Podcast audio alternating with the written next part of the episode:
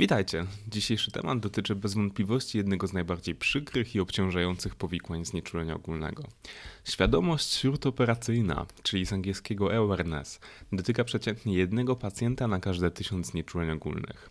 Liczby te odnoszą się jednak wyłącznie do uświadomionego śródoperacyjnego wybudzenia. Stanowi to tylko wierzchołek góry lodowej. Szacuje się, że ilość wybudzeń, których pacjent nie jest w stanie sobie przypomnieć, jest aż kilkukrotnie wyższa. Czym jest więc ta otoczona niesławą świadomość? Spróbujmy sobie to zdefiniować. Zastanów się, czy pamiętasz, czy jadąc do pracy w ubiegły piątek na drugim skrzyżowaniu światło było czerwone czy zielone? Większość ludzi nie jest w stanie odpowiedzieć na tak zadane pytanie. Pomimo to zakładamy, że może nie wszyscy, ale większość z nich, jadąc do pracy, nie śpi. Podobnie jest ze świadomością śródoperacyjną. Niektóre informacje przetwarzamy jedynie w pamięci operacyjnej i krótkotrwałej, a inne wędrują do magazynu. Zapiszemy je na dysku twardym pamięci długotrwałej. Pacjent, który po operacji jest w stanie sobie przypomnieć epizody z jej przebiegu, zapisał je właśnie w pamięci długotrwałej. Istnieją też epizody nieuświadomionych wybudzeń. Mogą one mieć skutki równie katastrofalne jak 30-letni kredyt we frankach szwajcarskich, a co gorsza, pacjent nie ma pojęcia skąd te problemy właściwie się wzięły. Aż jedna trzecia pacjentów, które dotyczy awareness, rozwija długoterminowe skutki psychologiczne tego stanu. Szczególnie częste są te, które w czasie operacji były dla pacjenta związane z silnymi negatywnymi bodźcami, jak na przykład informacja o tym, że głos jest nieoperacyjny, rokowanie bardzo złe, które to sformułowanie przez zespół chirurgiczny bywa ozdobione odwołaniami do niewiast o negocjowalnej cnocie albo męskich narządów płciowych. Za bezpośrednią przyczynę świadomości śródoperacyjnej uważamy niedostateczne wyłączenie przytomności. Leżące u podstaw mechanizmy nie są dostatecznie pewnie opisane. Sformułowano natomiast opis czynników ryzyka, które zarówno związane są z pacjentem, jak i z samym prowadzeniem znieczulenia czy operacji. Ich obecność wpływa na znacząco częste występowanie awareness u znieczulanych pacjentów. Do tych czynników zaliczamy zależne od pacjenta. Używanie narkotyków, czynniki genetyczne, np. mutacje receptora dla melanokrotyny, przewlekłą terapię opioidami, zmniejszoną rezerwę hemodynamiczną, punktację 4 czy 5 w skali AZA, wywiad w kierunku trudnej intubacji czy stany lękowe. W telegraficznym skrócie, wszystkie stany wiążące się ze zwiększonym zapotrzebowaniem na leki hipnotyczne lub analgetyczne i wszystkie stany, w których w obawie o stabilność hemodynamiczną pacjenta będziemy starali dawkować się te leki z graniczącą z przesadą ostrożnością. Czynniki zależne od operacji lub znieczulenia to m.in. operacje kardiochirurgiczne, cesarki, operacje pilne, e, powtarzane dawki zwiotów w czasie znieczulenia. Z największym ryzykiem świadomości śródoperacyjnej wiąże się konstelacja powtarzalnych zwiotów z całkowitym znieczuleniem dożylnym. W tym miejscu wspomnę o dwóch przykładach awareness, które przytrafiły się w moim bliskim otoczeniu. Pierwsza pacjentka, lat 96, ASA 4, pilna operacja z tytułu złamania szyjki kości udowej. Od momentu indukcji niestabilna hemodynamicznie, ciśnienie na podłodze, pompa z noradrenaliną w relatywnie wysokim przepływie. Znieczulenie prowadzone w adekwatnej analgezji i na desfluranie w okolicach 0,7 MAC. Z powodu zaawansowanego POHP skonsultowaliśmy się z chirurgami, cis-atrakurium podane w niskiej dawce tylko do intubacji. W czasie operacji alarm MAC w ogóle nie był ustawiony. Pojawiła się konieczność toczenia krwi, anestezjolog oderwał wzrok od monitora, w tym czasie magł spadł do, do, do, do 0,6. Wieszając kolejny KKC, anestezjolog napotkał wzrok pacjentki, która się do niego uśmiechała. W tym przypadku rozpoznanie awareness mogło być natychmiastowe. Z pacjentką porozmawiano, znieczulenie pogłębiono i szczęśliwie wszystko potoczyło się pozytywnie. Druga sytuacja nie aż tak pozytywna. Anestezjolog freelancer, zatrudniony przez oddział na parę dni. Relatywnie zdrowia, zdrowa 33-letnia pacjentka do diagnostycznej laparoskopii przy podejrzeniu endometriozy. Przy czterech punktach skali Apfel anestezjolog zdecydował się na TIVA. Popełnił jednak błąd w dawkowaniu. Przyzwyczajony był do prowadzenia TIVA w systemie TCI, natomiast pielęgniarki anestezjologiczne domyślnie ustawiają przepływ propofolu w miligramach na kilogram na godzinę. Pan freelancer ustawił zatem 3,5 i był przekonany, że zapewnia odpowiednie zniesienie świadomości. No cóż, nie. Pacjentka przez cały czas operacji była zwiotczona i obudzona. Parametry kliniczne, ciśnienie, tętno były nieco podwyższone, ale zasadniczo w górnym zakresie normy. Pacjentka co prawda nie czuła bólu, jednak czuła się bezradna, uwięziona w swoim ciele. Po około pół godziny operacji pielęgniarka zauważyła te 3,5 na pompie i nieśmiało zapytała anestezjologa, czy to tak na pewno miałoby być? Znieczulenie zostało pogłębione, ale no, szkody zostały już poczynione. Świadomość śródoperacyjna niesie ze sobą długofalowe skutki. Może być traktowana jako uraz, którego następstwem jest rozwinięcie ciężkiego zespołu stresu pourazowego. Innymi częstymi skutkami są depresje, napady paniki, popadanie w uzależnienia. Wszystkie te konsekwencje mogą wynikać także z nieuświadomionego wybudzenia śródoperacyjnego. Utrzymujące się dłużej niż 4 tygodnie objawy są bezwzględnym wskazaniem do rozpoczęcia psychoterapii. Czy możemy zatem zapobiegać albo przynajmniej wcześniej wykrywać nieoczekiwane wybudzenia? Objawy kliniczne, które rutynowo monitorują podczas znieczulenia, wydają się być niewystarczająco swoiste, czego przykładem jest druga pacjentka, o której mówiłem.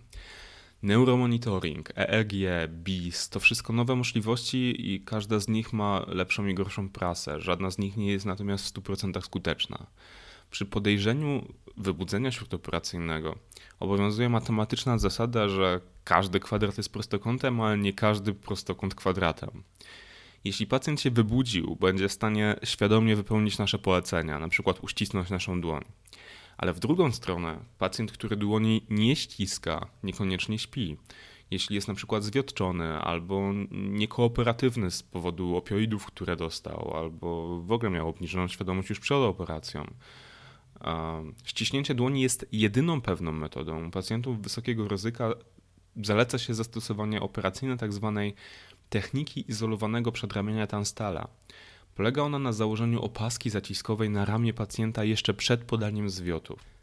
Zapobiega to osiągnięciu przez lek płytki motorycznej, inhibicji receptorów acetylocholiny, dzięki czemu pomimo systemowego zwiotczenia pacjent może odpowiedzieć ruchowo na zadane polecenie. Naturalnie technika ta działa tak długo, jak w izolowanym ramieniu znajdują się jeszcze substraty energetyczne. Standardowo mówimy tu tylko o 30 do 60 minutach. U zwiotczonego pacjenta do diagnozy awareness dochodzi zatem często dopiero po operacji. I teraz tak, wyobraź sobie, że jesteś pacjentem, jesteś operowany. W czasie operacji coś do ciebie dociera. Jaka jest szansa, że opowiesz o tym swojemu narkotyzerowi? Według badań szansa wynosi dokładnie 33% i to pod warunkiem, że zapytany zostaniesz w odpowiednim momencie. Jedynie 1 trzecia pacjentów jest w stanie świadomie przywołać wspomnienia z operacji w dniu, w którym miała ta operacja miejsce. Kolejne dwie trzecie potrzebują dni albo tygodni, żeby ogarnąć swoim umysłem, co właściwie się zdarzyło. Naturalnie, niezależnie od punktu w czasie, nie jesteśmy w stanie ogarnąć wspomnień nieuświadomionych. By ułatwić diagnozę awareness, Bryce i jego towarzysza stworzyli standaryzowany zestaw pytań pooperacyjnych. I teraz tak. Takiego pacjenta powinniśmy przy opuszczaniu pokoju wybudzeń zapytać, co jest ostatnim, co pan, pani pamięta, zanim pan, pani zasnął, zasnęła? Co jest pierwszym, co pamięta pan, pani po obudzeniu? Czy przypomina sobie pan coś pomiędzy tymi chwilami? Czy miał pan czy pani sny w czasie operacji? Czy te sny były przyjemne czy nieprzyjemne? I co w związku z operacją było najbardziej nieprzyjemne? Jak postępować więc w przypadku podwyższonego ryzyka świadomości śródoperacyjnej? ASA już w wytycznych 2006 pisze: Pacjent ma prawo wiedzieć. W ramach rozmowy przedoperacyjnej warto zaznaczyć, że zdecydowana większość pacjentów, którzy przeżyli wybudzenia, nie doświadcza bólu, bo leki przeciwbólowe i hipnotyczne działają niezależnie od siebie. W przypadku wielu czynników, które podwyższają ryzyko, w ramach możliwości wydaje się sensowne wdrożenie znieczulenia regionalnego. Nie zaleca się rutynowego podawania benzodiazepin w premedykacji celem wywołania niepamięci następczej. Niewyjaśnionym pozostaje, czy benzodiazepiny mają jakikolwiek wpływ na nieuświadomione wspomnienia. Celem ograniczenia częstości występowania powikłania zalecane jest obecne prowadzenie znieczulenia wziewnego z alarmami na poziomie 0,7 do 1,3 MAC. Niedawno przeprowadzone prospektywne randomizowane badania wykazało wyraźnie obniżone ryzyko awareness w populacji podwyższonego ryzyka przy ustawieniu tych granic w porównaniu z grupą kontrolną. A jeśli już podejrzewasz wybudzenia, daj znać chirurgom, niech chwilę się wstrzymają ze swoją magią. Spokojnie porozmawiaj z pacjentem, powiedz co się stało, że zaraz zaśnie ponownie. Zmniejsza to to uczucie bezradności i osamotnienia w problemie, a oba te uczucia, jako zdecydowanie negatywne, zwiększają ryzyko uświadomionych wspomnień po znieczuleniu. Jednocześnie należy pogłębić znieczulenie i kontynuować operację, gdy pacjent ponownie smacznie śpi. Nie podawaj mi dazolamu celem wywołania niepamięci. Powoduje on wyłącznie niepamięć następczą, a więc podanie go po fakcie wybudzenia nie może pozytywnie wpłynąć na pacjenta. Po operacji należy kilkakrotnie w różnych odstępach czasu przeprowadzić z pacjentem ten ustrukturyzowany wywiad i pamiętać o jego psychicznym wsparciu. Ważne jest wyjaśnienie, że co raz się zdarzyło, nie musi się wcale powtarzać. Wizyty pooperacyjne w tym przypadku nie są możliwością, a koniecznością i zdecydowanie powinny być udokumentowane. Co więc powinniśmy wynieść z dzisiejszego odcinka?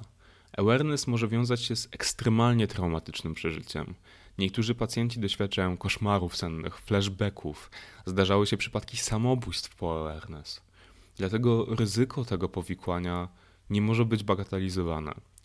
Podczas wizyt przedoperacyjnych należy starannie selekcjonować pacjentów o podwyższonym ryzyku awareness, wytłumaczyć im możliwe powikłania, a w razie podejrzenia wybudzenia rozmawiać, dokumentować, troszczyć się o pacjenta po zabiegu, łącznie ze skierowaniem na psychoterapię w przypadku utrzymujących się objawów. To wszystko na dziś. Pełen zapis tekstu znajdziecie na stronie internetowej, tam też na spokojnie możecie przeczytać o czynnikach ryzyka. A tymczasem do usłyszenia Wam i miłego tygodnia.